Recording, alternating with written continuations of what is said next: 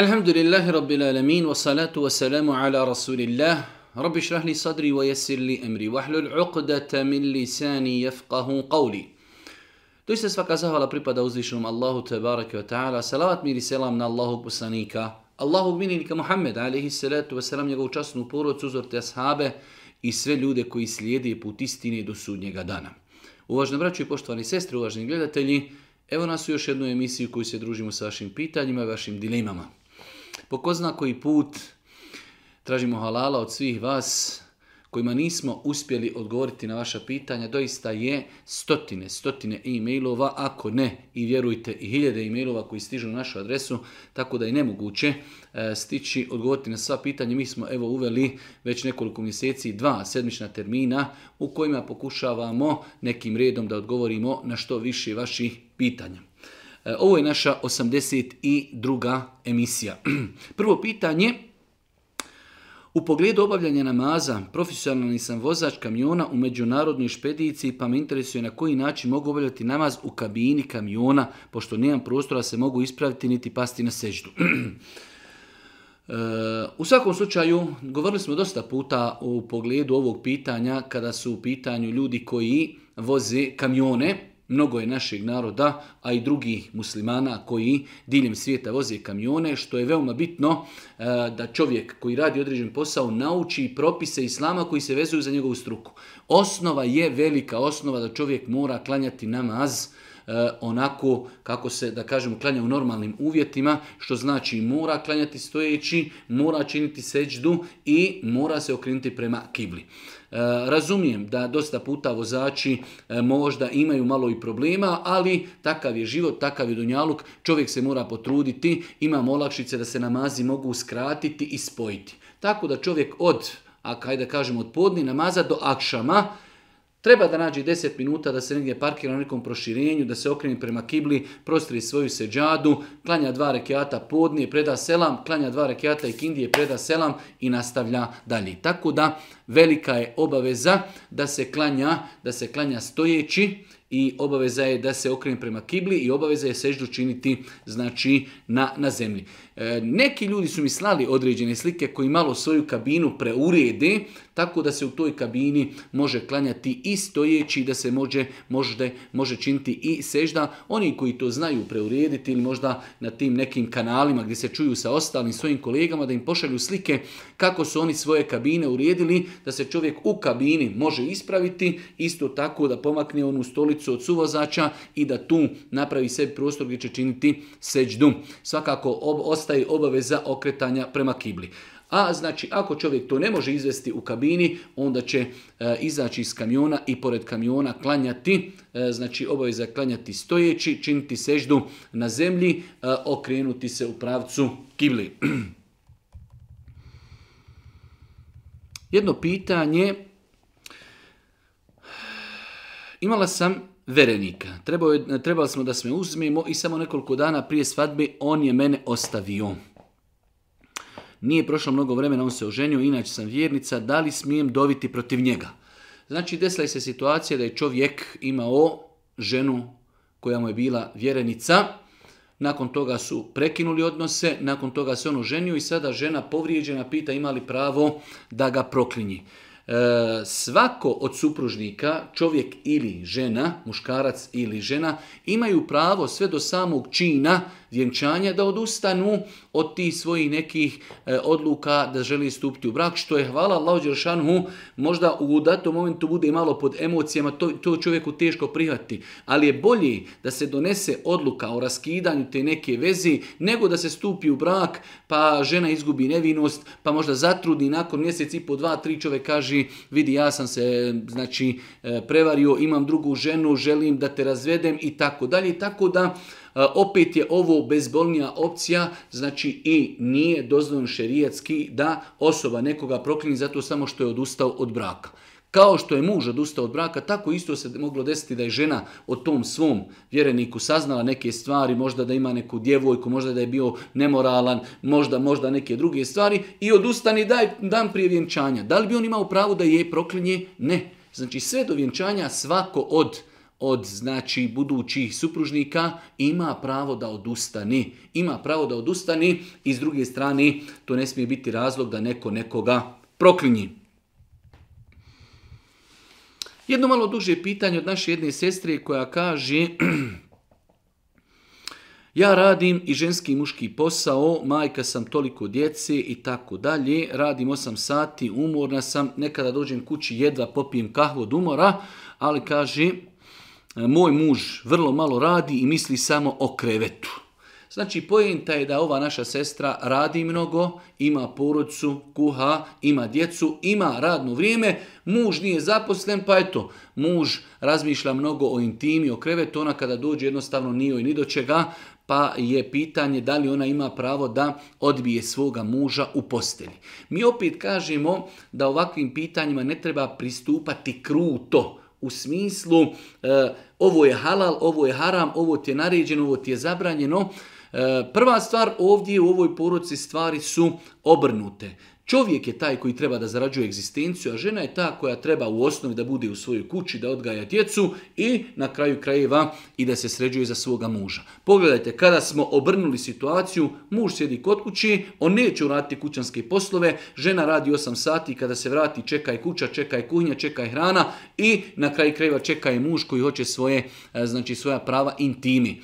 E, u ovakvim situacijama veoma je bitno da supružnici imaju razumijevanja, Pogotovo kada je u pitanju ovaj muž, prva stvar što je njemu obaveza, njemu je obaveza da izdržava svoju suprugu, da izdržava svoju djecu. S druge strane, ako već to ne radi, onda treba da razumije tu svoju suprugu koja je umorna i koju je možda u datom momentu i nije do intimi. Treba to razumjeti. Svakako, propis islama ostaje propis islama. Ali smo rekli da ako budemo u dosta nekih situacija gonili mak na konac u pogledu propisa šta ti je halal, šta ti je haram, to može uzrokovati, to može uzrokovati znači e, pucanje bračne veze. Ova žena u osnovi, to je osnova, treba da se odazove svome mužu kada je pozove u postelju, ali muž bi trebao da uzme e, i uvaži činično stanje i situaciju da je ta žena umorna, da je radila, da radi kuću, da sprema hranu, pa u datom momentu i da je razumije ako ne može da mu se e, odazove u postelji, a osnova je da ta žena ne treba raditi, da muž treba da radi.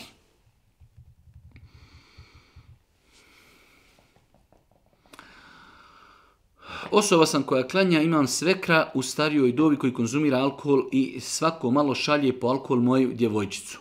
Kada kažem da neće ići po alkohol, muž se uspro, usprotivi, tu dolazi do lagane svađe zbog njegovog oca. U svakom slučaju, mislim da žena u ovakvim situacijama, znači situacija je da žena i čovjek imaju djevojčicu, ona ima svekra koji je živ, on traži od njene djevojci da ide kupiti alkohol. Svakako majka odgaja svoje djece da je to zabranjeno i haram, e, ona to sprečava, a otac, zato što je u pitanju njegov otac, E, on to dozvoljava. U svakom slučaju ono što žena može jeste da čovjeka posavjetuje, da mu kaže to je neispravno, to je haram, nemoj da djecu učimo da, da, hajde da kažemo, e, učestvuju u bilo kakvom haramu i treba jasno tom njegovom ocu da kaže on, to što ti piješ alkohol, to je tebi. Ja te savjetujem da to ostaviš, to je haram, ali ja, moja žena i moja djeca ti neće u tome izmetiti. Tako bi trebao da se postavi vjernik muškarac znači muškarac, da smije kazati istinu i da je vjernik, da svoje dijete ne upliči od malena u ono što je haram. Ako taj čovjek zakaže u tome, žena treba da ga posavjetuje i nakon toga ona je ispunila ono što se od nje traži. Čovjek je taj koji će biti odgovoran za svoju porodicu. Čovjek je muškara će biti odgovoran za svoju porodcu, u ovakvoj situaciji žena treba da posavjetuje svoga muža i ona je uradila ono što je mogla, a muž treba jasno svom ocu da kaže izvini, to što radiš u islamu zabranjeno, ako hoćeš ostavi, dobro jest, ako nećeš, idi sam sebi donesi, mi, moja žena, ja i moja djeca ti to nećemo donositi. donositi. Jasno i kratko, muški, vjernički.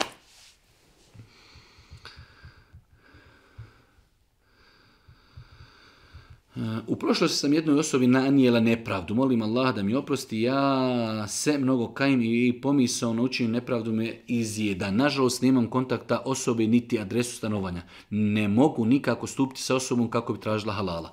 Šta raditi u situacijama koje čovjek nekom je uradio nepravdu, a ne može doći do takve osobe? Ne možemo ga opteretiti ništa osim što čovjek može da se pokaje da dovi za Allah Đelšanu za takvog insana, a možda ili da uradi neki drugi hajr u njegovo ime.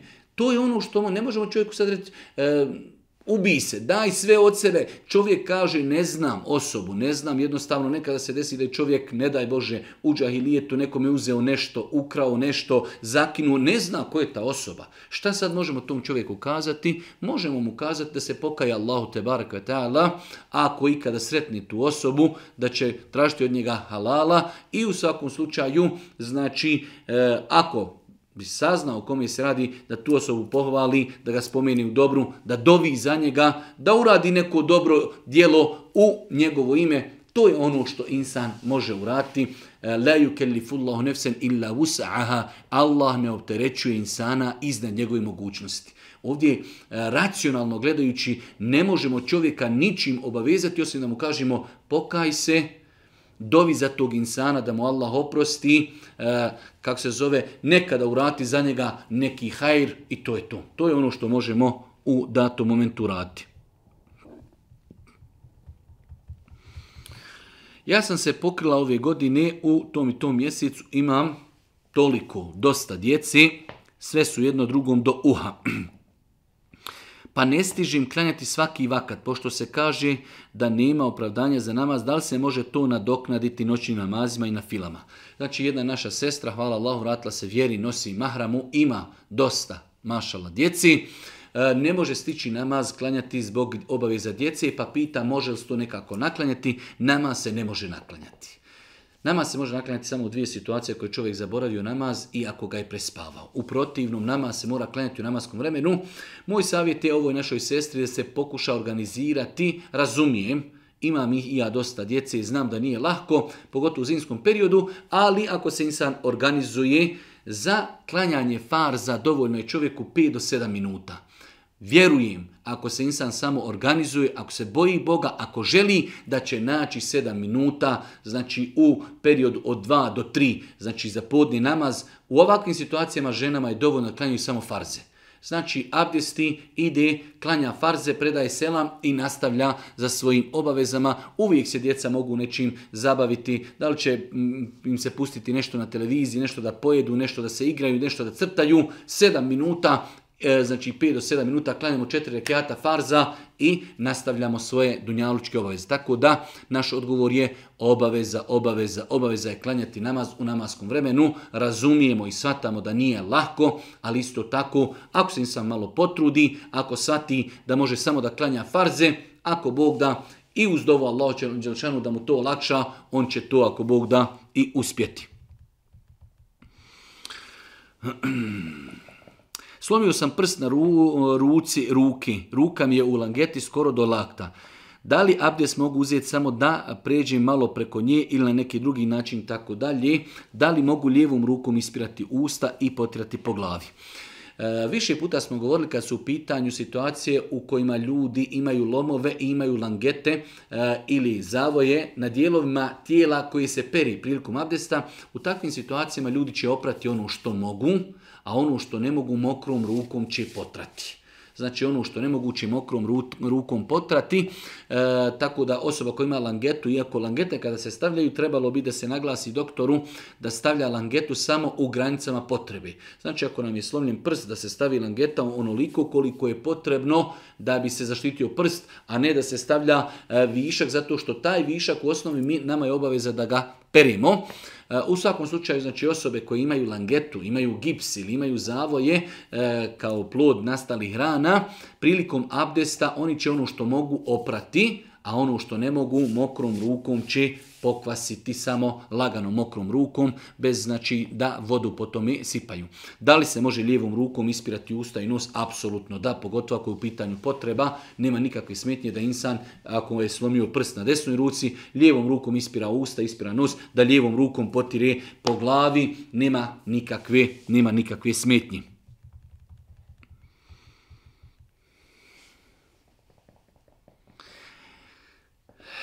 trebao bi raditi posao negovateleta, negovatelja. Pa da li je to dozvoljen posao da kupaš, brišeš stalje ljude, muškarce i žene, znajući da moraš gledati njihove intimne dijelove tijela i tako dalje.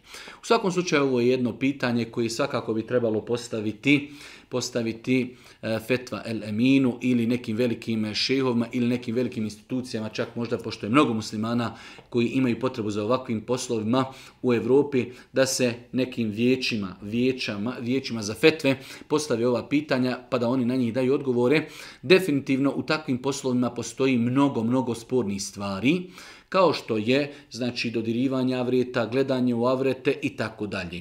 S druge strane, e, ono što mogli kazati ako bi insan i morao, jer ipak u državi neko mora raditi taj posao, jednostavno kao što imamo e, u svim drugim društvima imamo bolnice gdje moraju biti doktori, gdje moraju biti medicinske sestre, tehničari i mora neko bolesnika rasprijemiti, opremiti i tako dalje, ali ako bi insan već morao raditi, onda će harame koji radi svesti na minimum u smislu smislu. Ako čovjek već radi, onda će tražiti, ako je muško, tražit će starački dom gdje su samo muškarci. Ako žena radi, onda će žena tražiti samo starački dom gdje imaju žene, jer je manji, na manjem stepenu da muškarac izmeti oko muškarca i da ga on očisti i da ga on opere i da ga on okupa, to je manje nego da muškarac mora rasprijemiti ženu, dodirivati ženu, bez obzira što je to starija žena.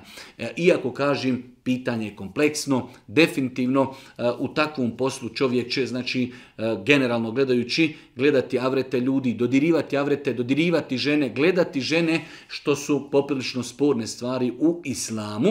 Svakako za takvim pitanjima postoji potreba na državnom nivou, mora neko takve poslove i da radi, da se brine o takvim ljudima. Kažem ako već neko i bude prinuđen, onda te harame treba svoti na minimum. Jedna od metoda jeste i da muškarac radi u sektorima i dijelovima i staračkim domovima gdje su samo muškarci, a da žena radi samo gdje su žene. To je neki e, minimum koji bi mogli da, da tolerišemo ovako sada početno, a inšallah da u budućnosti neka institucija u pogledu ovog pitanja da naučni odgovor. Je li se smije u WC-u ući da se obavi nužda sa žvakom, bombonom, septoletom i tako dalje? Islamski učinjaci su kazali da generalno gledajući e, nije lijepo da čovjek u toaletu jede, da jede hranu. Ali isto tako spomenute stvari kao što je žvaka, bombona, ne smatraju se hranom, da je to hrana koju mi jedemo, koja nam je potrebna. Više je to, hajde da kažemo, neki vid čefa i razonode e, i same i septolete i tako dalje. Tako da ne vidim nikakav problem, ne vidim nikakav problem da čovjek uđe u toalet, ima žvaku u ustima, da uđe u toalet sa bombonom, da uđe u toalet, e, znači, E, sa septoletom ustima, jer nisam učenjaci su kazali ne doliči. Nisu rekli da je haram, ne doliči čak u toaletu da nešto jedi, ali su kazali ako bi bila potreba, čak i da se jedi u toaletu, ako ima potreba, dozvoljeno. A ove stvari su na jednom sigurno nižem levelu, kao vid i potrebe. Sad čovjek ne mora vati bombonu prije toaleta pa i ponovo uzimati ili vaditi septoletu iz usta i ostavljati i tako dalje. Tako da u ovakvim situacijama, nadamo se inšala da nije ništa sporno u tome da čovjek u toaletu bude sa žvakom ili e, znači sa bombonom u ustima ili nekom septoletom ili nečemu sličnim tome. Allah mi je dao tri zlatne kćerke. Nikad mi nije i nešto bilo bitno šta će biti. Jedino da je zdravo i kako treba. Kaže mi neko, moram da imam sina jer to islam traži. Je li opasno po islamu što nema muško dijete? Pogledajte ljudi kako ljudi govore o vjeri ono što ne znaju. Allah Đelšanu u islamu je zabranio, ali zabranio žestoko.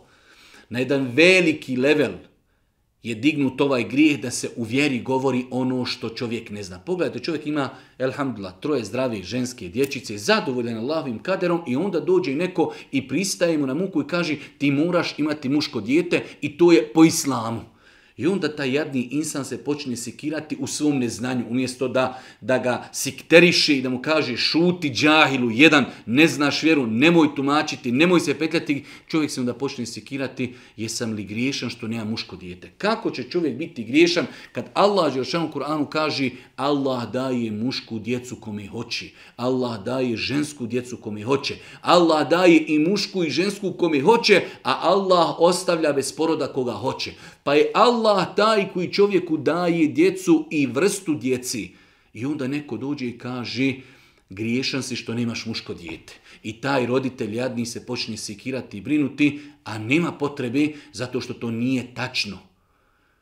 Pa je grijeh govoriti o Allahovoj vjeri ono što ne znamo, a s druge strane pogledajte kako ljude stavimo na sekiraciju. Allah Žešanu kaže u Kur'anu La Allah ne opterećuje čovjeka preko njegove mogućnosti. Kako da čovjek kaže moraš imati muško dijete, a on ne može utjecati na to kako će njegovo dijete biti. Tako da ovakav način, pristup i ovaj odgovor je apsolutna greška.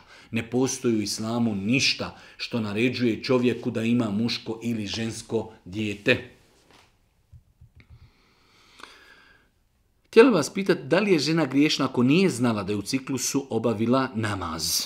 Žena je bila u mjesečnici, ali nije znala da je dobila mjesečnicu, pa je kao takva klanjala namaz. Je li griješna? Nije generalno pravilo, sve što čovjek uradi u neznanju, nije znao, on nije griješan. To je generalno pravilo Islama, da čovjek šta uradi u neznanju, u zaboravu nije griješan. Tako da može se desiti da čovjek e, ima na odjeći nečistoću. Na odjeći ima nečistoću i zaboravi. Klanja sa tom nečistoćom. Njegov namaz je validan.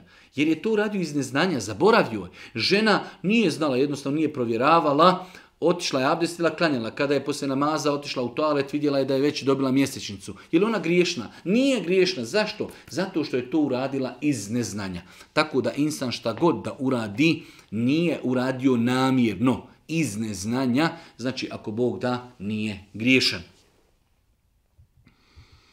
Esselamu alaikum, da li je haram uplatiti loto? Kod nas iznosi 1 bilion dolara.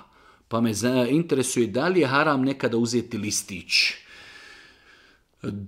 Loto i sve igre na sreću su haram, bez obzira da li to bilo 5 feninga, 10 marka, 5 ili 100, manje ili više, bez obzira da li ulog kojeg možemo dobiti bilo marka ili milion ili bilion ili 100 biliona, isto je.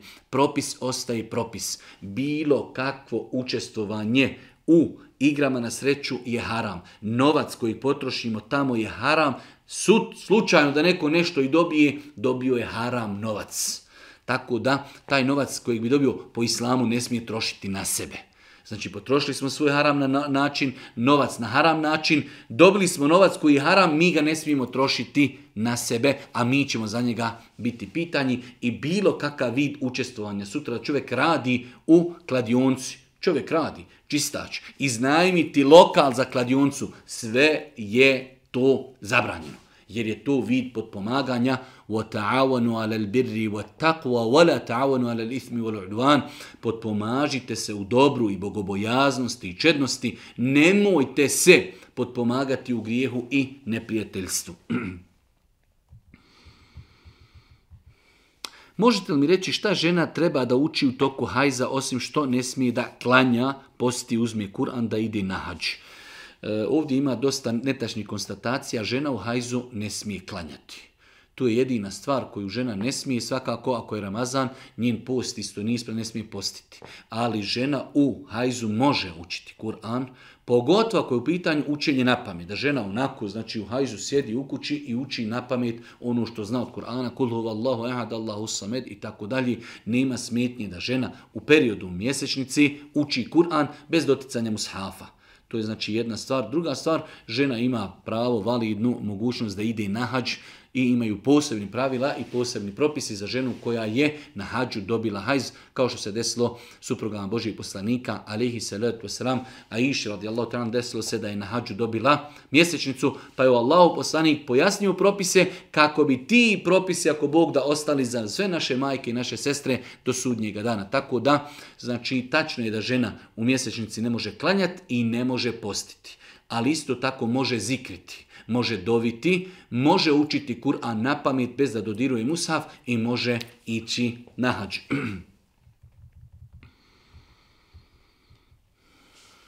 Jedno malo duže mm, pitanje, u braku sam 5 godina, od prvog dana živim sa mužem i tako dalje. Međutim, imam razvedenu zavu. Ona živi sa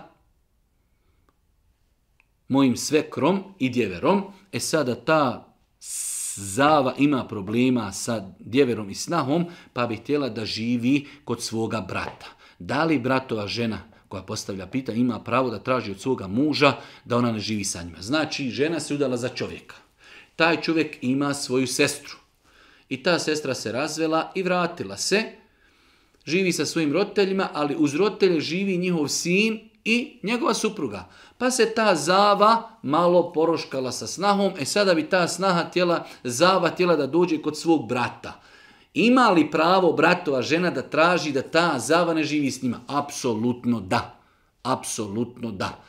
Raska je ako bi ta žena tijela da dođe tu na par dana, dan, dva, imaju neki problemi dok se to malo, hajda kažemo, riješi kao neko prilazno rješenje, ali da ta žena dođe i da će možda naredni godinu, dvije, tri živjeti, Mogu je prihvatiti ako želi, ali žena, žena ima pravo da svome mužu uvjetuje da ne stanuje sa svojim roditeljima. Šta mislite tu? Znači u islamu je ženi dozvoljeno da kaže mužu ja ću se udati za tebe, ali pod uvjetom da neće živjeti sa svojima. Želim da živimo zasebno, svakako ti svaki dan idi kod majke, kod oca, čini dobročinstvo, popisnima kahvu i tako dalje. Ali ne želim da živimo s njima u istoj kući.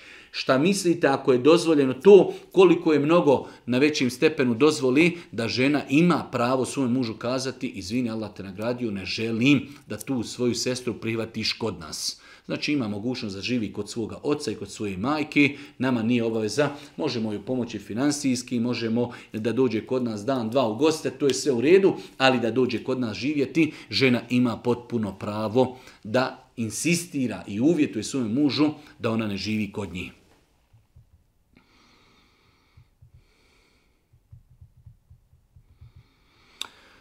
Jedno malo duže pitanje, mi smo društvo, imamo grupu u Viberu i na toj grupi neki klanjamo, neki ne. I sad moj drug hoće da tjera ostale da i oni klanjaju tako da svaki dan i svaki čas im piše da treba da klanjaju, da obožavaju Allaha. Ali sa druge strane, ovi koji ne klanjaju kažu e, time nas udavljavaš od vjeri, a on nastavlja i tako dalje. Znači, pitanje je da ima jedna grupa omladinaca koji imaju svoju Viber grupu. Na toj Viber grupi standardno imaju ljudi koji vjeruju, koji praktikuju vjeru, imaju drugi koji ne. Pa jedan od njih je ljubomoran na Allahu vjeru i želio bi da ubrza proces tih omladinaca koji ne krenju da se vrate Allahu do te mjeri da se drugi na njega žali i kažu na takav način kako nam ti prezentuješ neprestano govoriš o tome ti nas odaljavaš od vjeri. Da li ispravno postupa? Apsolutno ne. Znači, u osnovi dava, pozivanje ljudi, misionarstvo je jedna velika nauka. Tretira ljude koje pozivamo, tretira nas koji pozivamo, metode, načini, level na kojim se nalaze ti ljudi, kako ćemo ih pozivati, cilje da postignemo da oni se popravi. Ako mi radimo nešto što njih odaljava od Allah vjeri, onda treba da se prispitamo, a možemo zbog toga možda biti i griješni. Znači možda možemo biti i griješni ako ljude odaljavamo od Allah vjeri. Allah poslanik Muaz ibn Džebelu kada je odužio u namazu. Pazite, namaz, ali odužio ljudima poljoprivrednicima. Hadisu Buhari i Muslimu. Božji poslanik ga je sutra pozvao i kaže Efetanun ente ja Muaz. Muaze, je li ti ljude na iskušenje stavljaš i na smutnju? Znači, učiš im dugo do te mjere da ljudi napuštaju namaz i za tebe pa znači insan koji želi hajr treba da bude pametan, Udru ila sebiri rabbike bil hikme, pozivaj Allahovom putu mudro, kul hadihi sebiri ed'u ila Allah, ala basiratin. Reci, kul hadihi sebiri, ovo je moj put, pozivam k Allahu ala basira, imajući jasne dokaze bil hikme, mudro, pa čovjek ako vidi da njegov pristup pozivanja polučuje kontraefekat, mora mijenjati metode. Ne smijemo mi svojim postupcima biti razlogom da ljude odaljimo od Allahove subhanahu vjeri, već će tim ljudima pristupiti onoliko koliko oni mogu prihvatiti. Ne možemo djetetu od tri mjeseca uzeti dati komad ljeva i da ga jedi, jer ga ne može progutati. Isto tako i sa ljudima koji se daleko odaljili od vjeri, njima se daje na kašikicu od vjeri da zavoli, da počnu, da razmišljaju, a sami će onda oni nastaviti dalje da se edukuju, da istražuju, a ne da im odjednom damo sve propise. Tako da veoma je bitno da sam pazi da ne daj Bože on ne bude razlogom da ljudi zbog njega se odalje od Allahove vjeri.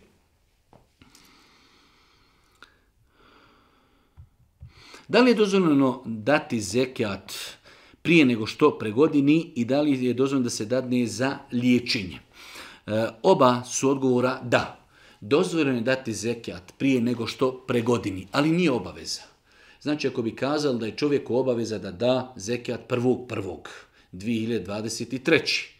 I u desetom mjesecu 2022. godine jednostavno on ima Nisab i pare su pregodne, ali fali još dva mjeseca. Još nisu pregodne, još mu nije obaveza.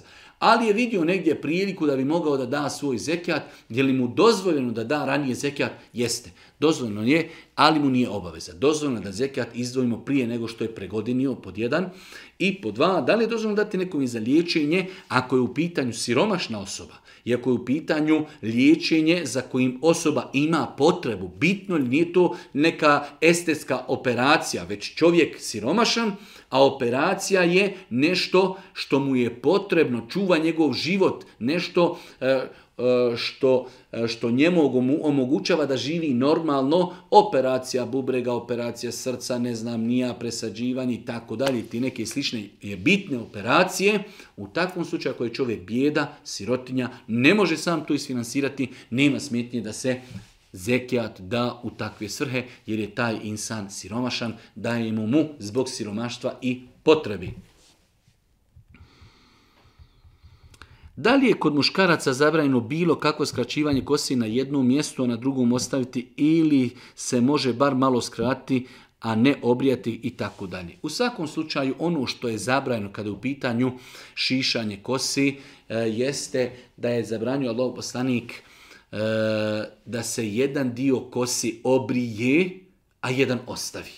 To je ono što je zabranjeno. Sve mimo toga, inša Allah, inša Allah je dopušteno u tom kontekstu sve mimo toga u tom kontekstu je dozvoljeno, tako da nije mi poznat dokaz da e, kosa na svim dijelovima glavi mora biti jednaka. Nije mi poznat dokaz da kosa na svim dijelovima glavi mora biti jednaka. Svakako čovjek treba da pazi kada je u pitanju frizura, da ta frizura ne oponaša e, nevjernike, da ne oponaša nemoralne i kriminalne osobe, ali znači jednostavno da čovjek dotjera frizuru u na nekim dijelovima glavi da kosa bude i malo kraća, negdje da bude i malo duža kako bi na taj način napravio neku lijepu frizuru. Ne vidim u tome ništa loše. Znači bitno je da ne bude da je na jednom dijelu obrijano, da je na jednom dijelu ima kosa, da te frizure nisu specifične i da se time ne oponašaju nevjernici ili da to nije nešto specifično, e, nešto što je poznato samo u krugovima nemoralnih i pokvarenih osoba.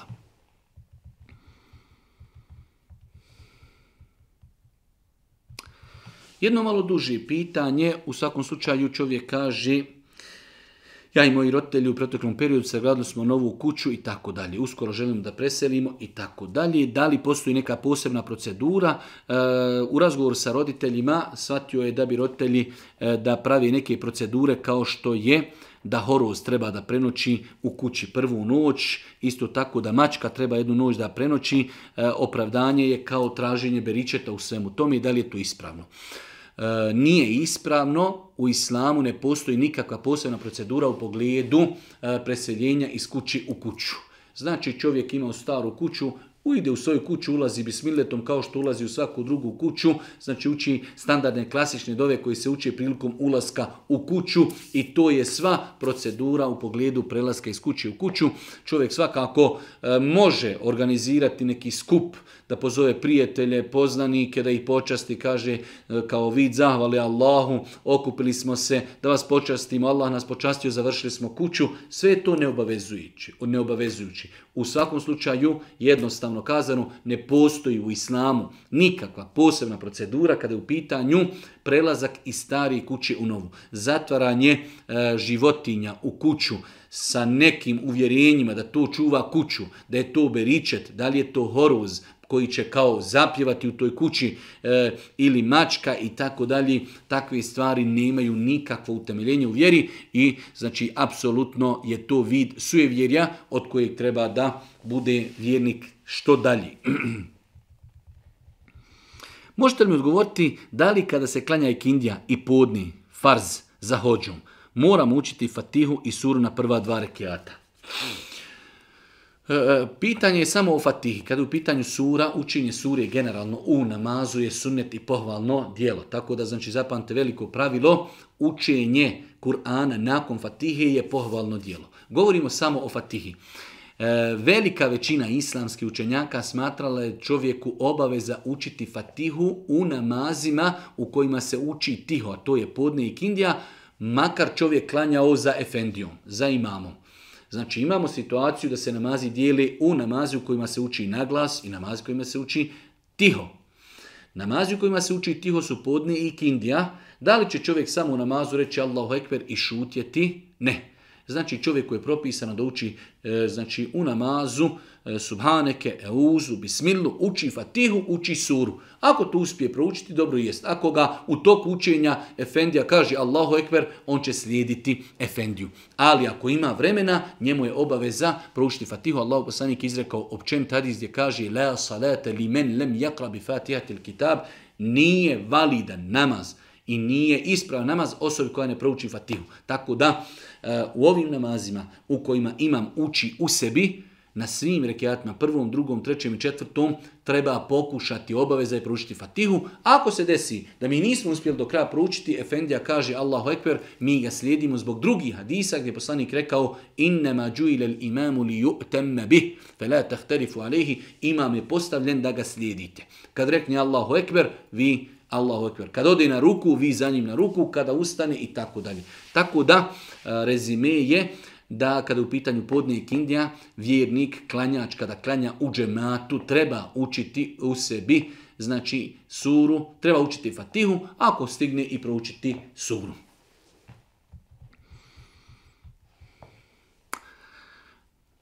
Da li je ispravnije ženu koja je preselila ukopati u mjestu gdje su i njeni roditelji i braća ili u mjestu gdje će ukopati se njen muž i djeca?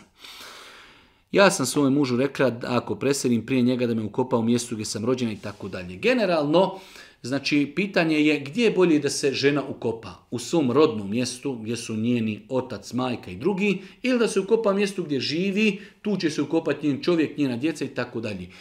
Osnova je da se insan ukopava u mjestu gdje je umro. To je osnova. To je osnova. Znači žena živjela, udala se u neko susjedno selo, tu se ukopava. Ukopava se svojim mužem i tako dalje.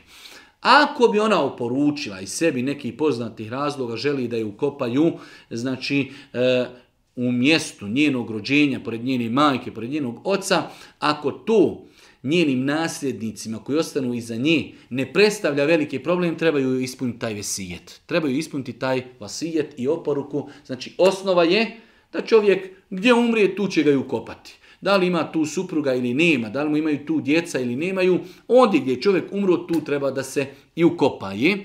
Mislimo na mjesto u kojem živi. Ali ako bi insan insistirao, napisao vasijet, da želi da bude ukopan u određenom posebnom e, mezaristanu pored određeni osoba, ako to njegovim nasljednicima ne pravi problem, financijski ili tehnički, trebali bi se potruti da mu to ispuni.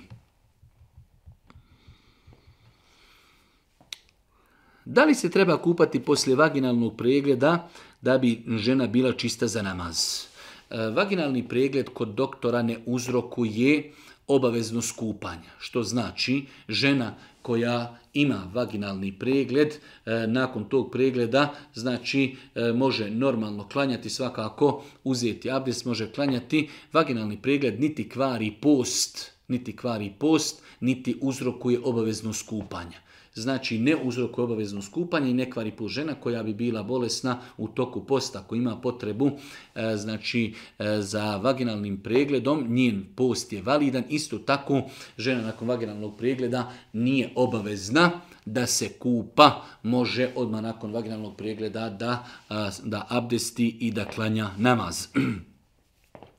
Da li je obaveza da imam kapu na glavi kada sam u namazu? Da li je obaveza? Nije obaveza ne postoji argument e, kojim bi obavezali ljude da u namazu moraju nositi kapu. Čak smatram e, da bez obzira što kroz historiju gledano muslimani skoro diljem svijeta uvijek nešto nosi na glavi. Vidjet ćete ljudi od Malezije, Indonezije, arapskog svijeta. Znači vidjet ćete da u većini slučajeva muslimani, muškarci nosi nešto na glavi, ali to je po meni više običaj nego što to ima veze sa E, e, kao što da ima vezi sa obaveznim pokrivanjem glave u namazu. Svakako, ako insan već ima nešto na glavi, tako će i klanjati. Ali mi govorimo da li obavezati čovjeka. Čovjek nema ništa na glavi i hoće da uđe u mihrab i kaže stop, stop, moraš kapu na glavu. To nije ispravno i nema potrebe ljude obavezivati time. To što se neko neće složiti time, to što neko nije navikao, to nas ne interesuje. Ne postoji dokaz. Pitanje nam glasi da li je obaveza imati kapu. Nije obaveza. Ne postoji dokaz na osnovu kojeg bi mogli obavezati ljude da moraju imati kapu prilikom klanjanja namaza. Ako čovjek već ima kapu, elhamdulillah neka klanja e, znači e, noseći kapu. A ako čovjek nema kapu, i želi da prođe u mihravi, možda zna najviše Kur'ana, kažu ne može zato što imaš kape na glavi, to je neispravno. Obavezivati ljude nošenjem kapi, e, znači u namazu nije ispravno. Kako pomoći mužu da klanja, je li mogu učiti naglas iza njega da moj muž ponavlja dok ne nauči? Može li žena ponavljati iza muža da on nauči? Kao da čovjek klanja ispred žene i ona ponavlja za njim. To nije ispravno. E, kako pomoći mužu? Pomoći mu tako da e, prije namaza podučimo ga evo YouTube, evo kanali, evo knjige, evo Ilmihal, evo i tako dalje. Ali da čovjek i žena klanjaju u džematu, pa žena uči, i on ponavlja za njom, to je neispravno. To je neispravno, ali šta može čovjek? Može čovjek da žena uči na glas, da on sjedi pored nje, pa da vidi kako ona klanja, pa da nakon toga i on to kopira i da i on to pokuša isto izvesti. Tako da znači neispravno da čovjek i žena klanjaju u džematu, on još ne zna klanjati, ona uči, a on ponavlja za njom. To je znači apsolutno neispravno. Prvo što žena ne može biti imam čovjeku, a s druge strane i ovakav način učenja. Znači može on pored nje sjediti i slušati kako ona uči, ona može učiti na glas, da on zna kako se šta uči. Imamo YouTube, imamo Ilmihal. ali čovjek će tako na takav način, ako Bog da, naučiti kako se klanja namaz. U 73. emisiji slušala sam odgovor po pitanju šerijetskog vjenčanja, pa me zanima da li je moguće vjenčati se šerijetski bez općinskog vjenčanja koje bi također uslijedilo nakon određenog perioda i da li je takav brak ispravan. Više puta smo davali odgovor e, da e, šerijatsko vjenčanje ako se ispuni i desi onako kako su islamski učenjaci definisali, da imamo staratelj, saglasnost staratelja, svjedoke, da je definisan mehr, znači sve ono što treba da jedan brak bude validan, ako se sve to ispuni, taj brak je validan to što sada imamo kao jedan vid tehničke obaveze da čovjek prije toga e, završi općinsko vječanje, to je samo to je samo administrativna obaveza koja nema nikakve veze sa validnošću našeg braka. Svakako mi pozivamo tome da ljudi trebaju e, da se pridržavaju ovog pravila i ako nisu se pridržavali, ako su sklopili šerijatski e, brak, vjenčali se prije općinskog, da što prije trebaju u granicama svoje mogućnosti da se vjenčaju i općinski. Ali mi govorimo o validnosti. Da li ako se čovjek vjenčao šerijetski, na ispravan validan način. Imamo staratelja, njegovu saglasnost, imamo mladince, imamo mehr, imamo svjedoke, sve je ispunjeno, imamo zadovoljstvo supružnika, sve je ispunjeno. Da li je njihov brak ispravan zato što se još nisu vjenčali općinski? Apsolutno validan i ispravan. Ali, kako bi se zaštitila njihova prava, kako bi jednostavno... E, i tu proceduru ispunili, savjetujemo da se ljudi ili znači vjenčaju općinski prije stupanja u brak ili ako to nisu uradili prije, da to uradi u što skorije vrijeme nakon vjenčanja šerijatskog. Ali samo vjenčanje šerijatsko nije uopće propisom vezano za općinsko vjenčanje.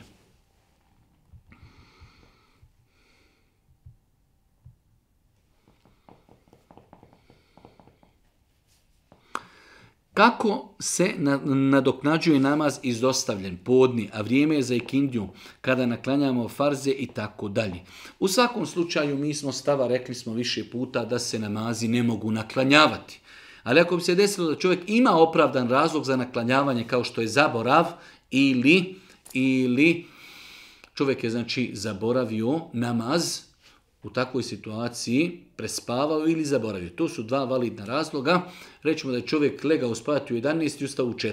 Prespavao podninama, zaboravio na njega, kada se probudi prvo klanja podni, nakon toga klanja i kindiju. To je odgovor na ovo pitanje. Osobe koje naklanjavaju namaze iz validnih šerijetskih razloga, kao što je zaborav ili spavanje, naklanjavat će Znači, ako bi rekli ovako, čovjek je zaspao u 11, ustao u 4, znači prespavao je ikindiju, zaboravio je klanjati, ustao je. Hoće li klanjati prvo ikindiju, jer je ona trenutno, nakon toga podni? Ne. On će prvo klanjati podne, nakon toga će klanjati ikindiju. Nakon toga će klanjati ikindiju.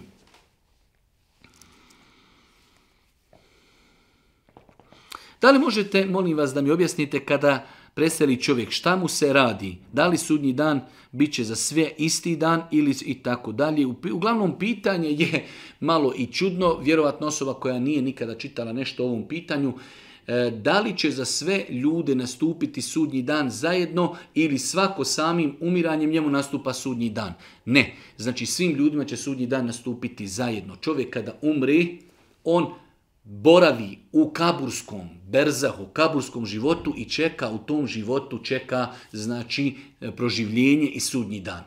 Bez obzira, znači ljudi koji su umrli prije 100, 200, 300 godina, oni žive kaburski život koji se totalno razlikuje od dunjaločkog života. Oni u kaburima ili uživaju, pa mu je kabur dženecka bašta ili se kažnjavaju pa je e, znači kabur mjesto kažnjavanja. Sve do dana proživljenja, nakon toga nastupa sudnji dan. Tako da znači e, ispravno je ni ovako kako smo pojasnili, a nije sudnji dan čovjeku onog momenta kada on umri. Ne. Znači svi ljudi kada umiru, oni se zakopavaju u kabure, nastupa kaburski život, berzah, do sudnjeg dana do proživljenja, nakon toga će svi biti proživljeni i svi zajedno će polagati račune. Da li je dozvoljeno pročitati Kur'an s prijevodom ili samo Kur'an na arapskom? Svakako učiti Kur'an na arapskom je vrijednije i bolje, jer je Boži poslanik kazao za svaki proučen harf imamo dobro djelo, a svako dobro djelo se rostruko nagrađuje. Tako je potvrđeno vjerodostojnim hadisima.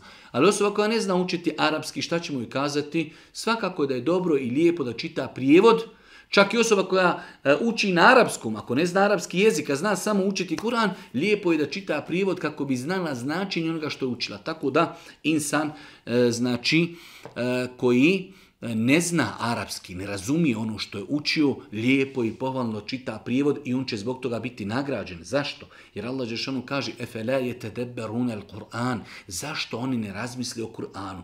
Ljudi koji ne znaju arapski, ne mogu razmišljati o Kur'anu osim na način da čitaju prijevod Kur'ana. Da, nije to e, na levelu, na nivou da čovjek razmišlja kao da je to na arabskom, ali prijevod značenja sigurno u neki 80 do 90% prenosi značenje Kur'ana i ajeta koji čovjek, o kojima čovjek može razmišljati, koji mogu ostaviti na čovjeka velikog traga i može se podučiti mnogim, mnogim korisnim stvarima iz Kur'ana putem prijevoda. Tako da osobe koji ne znaju arapski jezik svakako da je dobro djelo čitati i učiti, e, znači družiti se sa tefsirom.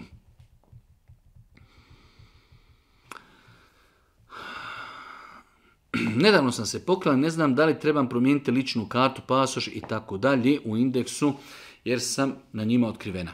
U svakom slučaju osoba koja je bila otkrivena nakon toga se pokrila, trebala bi da se potrudi maksimalno u grancama, znači zakonskih regulativa ako to zakon dozvoljava da e, isprave na kojima se nalazi njena slika gdje je otkrivena trebala bi da to e, što prije promijeni zašto zato što sutra ćemo dati policajcu e, vozačku da ćemo na nekom šalteru nekoj osobi ličnu kartu muškarcu žena pokrivena daje ličnu kartu gdje je ona otkrivena i pasoš i tako dalje tako da jedna hajde kažemo obaveza koja nastaje nakon pokrivanja jeste da insan, odnosno naše sestre, pokušaju u grancama zakonske regulative, ako to zakon dozvoljava, da se odi isprava koja je bila, na kojoj je žena bila otkrivena, da se poništi, da se promijeni, da se stavi druga slika, svakako da to treba uraditi.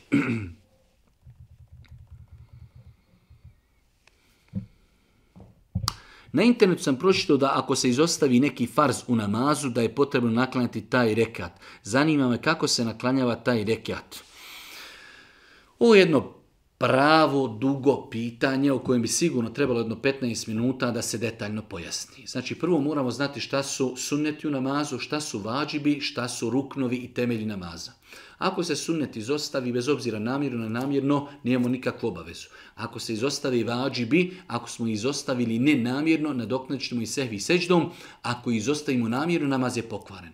Ostaju temeljni sastavi, znači dijelovi namaza, ruknovi. Oni ako se izostavi namjerno, namaz je pokvaren. Znači čovjek ako ne bi namjerno jednu seždu radio, njegov namaz je pokvaren. To je jedna stvar. Znači, izostaviti temelj ruk namaza navjerno, to nam kvari namaz. Ako bi se to desilo u zaboravu, imamo nekoliko opcija. Znači, zaboravili smo određen rukn u namazu. Može se desiti da smo se sjetili toga nakon namaza. Sjetili smo se toga nakon namaza. E sad, ako smo se sjetili odma, znači predali smo selam i sjetili smo se, vratit ćemo se na ono mjesto gdje smo e, preskočili taj rukn i nastavit ćemo klanjati. To je ako smo se sjetili nakon namaza, a nije prošlo mnogo vremena. Ako bi se sjetili, a prošlo je mnogo vremena, pola sata, saha, dva, tri, tada moramo ponoviti namaz. Vraćamo se lagano da poridamo stvari. Ako temelj ruk namaza preskočimo namjerno, namaz je pokvaren. Ako preskočimo u zaboravu, Sjetili smo se nakon namaza. Ako se sjetimo u kratkom nekom periodu, vraćamo se na nivu, na mjesto gdje smo preskočili i od tada ćemo nastaviti klanjati ostatak namaza. Ako je prošlo mnogo vremena od predavanja selama i mi se sigurno sjetili da smo nešto preskočili namazu, ponovit ćemo namaz. To je jedna situacija. Ostaje situacija da se sjetimo u namazu. Znači u namazu smo na kirajetu smo i sjetimo sme da nismo radili dvije sežde, smo radili jednu. Ali sigurno, ovdje ne smijemo otvarati vrata šetanu kroz šubhe i kroz nejasno. Vego sigurno tada odlazimo na ono mjesto gdje smo preskočili i nastavljamo tuda klanjati. To je jedna situacija.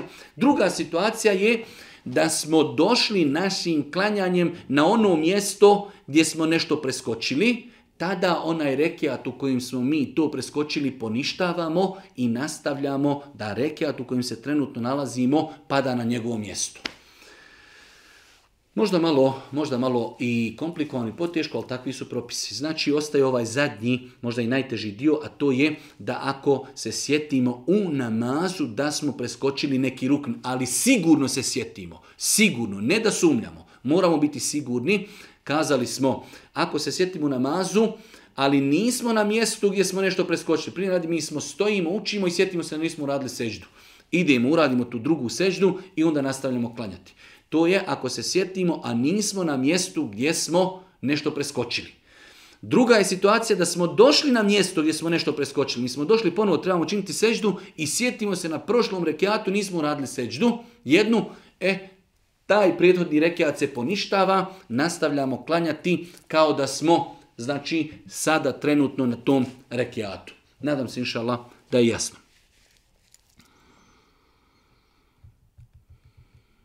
Pitanje je, moj otac je mačehi napisao u poruci da je razvedena. Međutim, nakon par dana pomirili se i sada je sve u redu, jer taj brak ispravan. Eh, ovdje imamo nekoliko momenata, u svakom slučaju napisana poruka i poslana ženi u islamu se smatra kao izgovoren. To je ono što ja želim da kažem, da se ljudi ne poigravaju. Čovjek kada napiše dobrovoljno, svojevoljno, svjestan šta radi, napiše da je ženi, napiše je ženo razvedena si i enter i dobije ona poruku, ona je razvedena. Znači u islamu napisana riječ ima E, znači uzima pravo, uzima propis izgovoreni riječi. Nemojte se igrati sa takvim stvarima. E sada, ovdje se vraća, ovdje je napisano da je on njoj napisao tri razvoda. Ja u pogledu tri razvoda ne dajem fetve, ne dajem odgovore da li je to jedan ili tri. Ali se vraća isto pitanje da li je to bio opozivi ili neopozivi e, razvod braka. Ako je to opozivi prvi i drugi, tada znači ako je čovjek dao razvod braka, pa došao kuć, pomirio se sa ženom, ok, to je opozivi prvi i drugi. Mogu nastaviti živjeti jer čovjek u islamu ima pravo da vrati svoju ženu, čak i bez njene saglasnosti u prva dva opoziva razvoda. Nakon prvog razvoda i drugog, sve dok žena ne završi sa idetom, muž je može vratiti. Ali ako je to o neopozivi, treći, on je napisao razvedena si, a to je bio treći razvod, ne mogu se oni više pomiriti, ne može je vratiti sve dok se ona ne uda za nekoga, ima sa njim intimni kontakt, pa i on razvede. Nakon toga je on može vratiti sebi za suprugu. Tako, ja želim ovdje samo da dam odgovor, napisan razvod putem e-maila, SMS-a, Whatsappa, Vibera je razvod u islamu i ne treba se sa tim igrati, a posljedice toga gledamo, može se čovjek poslije toga pomiriti sa svojom ženom? Može. Ako je to bio prvi razvod, ako je to bio drugi razvod, ako je to bio treći razvod, ne mogu se, ne mogu se e, pomiriti. E sada je posebno pitanje, da li u jednoj porici ako napišemo tri puta da je razvod, da li to pada tri ili jedan, to je jedno veoma, veoma teško pitanje. Ako uzmem onaj prvi abdest, operim noge i na kraju obujem čarape. Pa ih onda skinim. i dalje imam abdest, pa opet obujem druge čarape. Da li mi i dalje ostaje validno potiranje po čarapama? Znači imamo situaciju potiranje po mestama ili čarapama. U situaciji čovjek je abdestio, opravo noge i obukao čarape. Po tim čarapama ako Bog da može potirati dan i noć. Nešto mu je se desilo, čarapu se ne sviđaju i tako dalje. Skinuo je čarape, obukao druge čarape da li on može potrati po tim drugim čarapama? Apsolutno da. Samo pod uvjetom da je ovo skidanje i oblačenje novih čarapa se desilo pod prvim abdestom. Znači ako smo abdestili, imamo abdest cijeli, smo abdest uzeli, oprali smo noge. Možemo skinuti čarape 5-10 puta sve dok smo pod tim abdestom. Kada jednom potarimo po čarapama, Prvo skidanje, prvo skidanje čarapa nakon potiranja više ne možemo potirati. Ako i vratimo, ne možemo više potirati. Znači, zapamtno jedno veliko pravilo. Kada abdestimo, abdestimo potpuno, oprali smo noge, imamo pravo skidati mestve i čarape koliko hoćemo puta, sve dok smo pod abdestom. Sve dok smo pod abdestom, čak da čovjek osjeti potrebu, možda ću morati u toalet, obuci čarape, i znači tada ako odeš u toalet, nakon toga možeš potirati po tim mesama jer si obukao mesto i čarape prije gubljenja abdesta. Nadam se što da je odgovor jasan.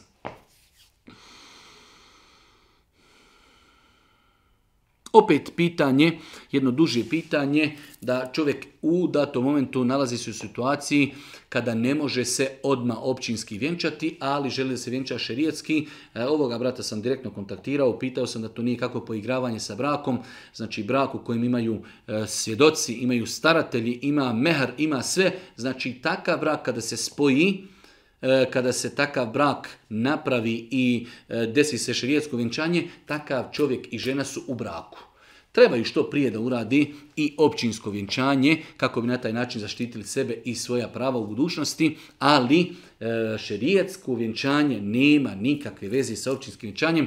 Ta općinska vjenčanja, evo možemo kazati da su u zadnjih 50, 70 100 godina. Je li moguće su ljudi kroz historiju 1300 godina živjeli na neispravan način? Šerijatski brak, Znači kada se e, ispuni i desi sa uvjetima koji su postavili islamski učenjaci, ako se vjenčanje desi, brak je ispravan, a svakako da supružnici e, zbog administracije i svojih prava u državama trebaju požuriti da što prije e, završi i općinsko vjenčanje. Allah subhanahu wa ta'ala molimo da na na putu istina podari korisno znanje i na kraju subhanike Allahumma bihamdike ešhedu in la ilaha illa wa etubu ilaik. Ah.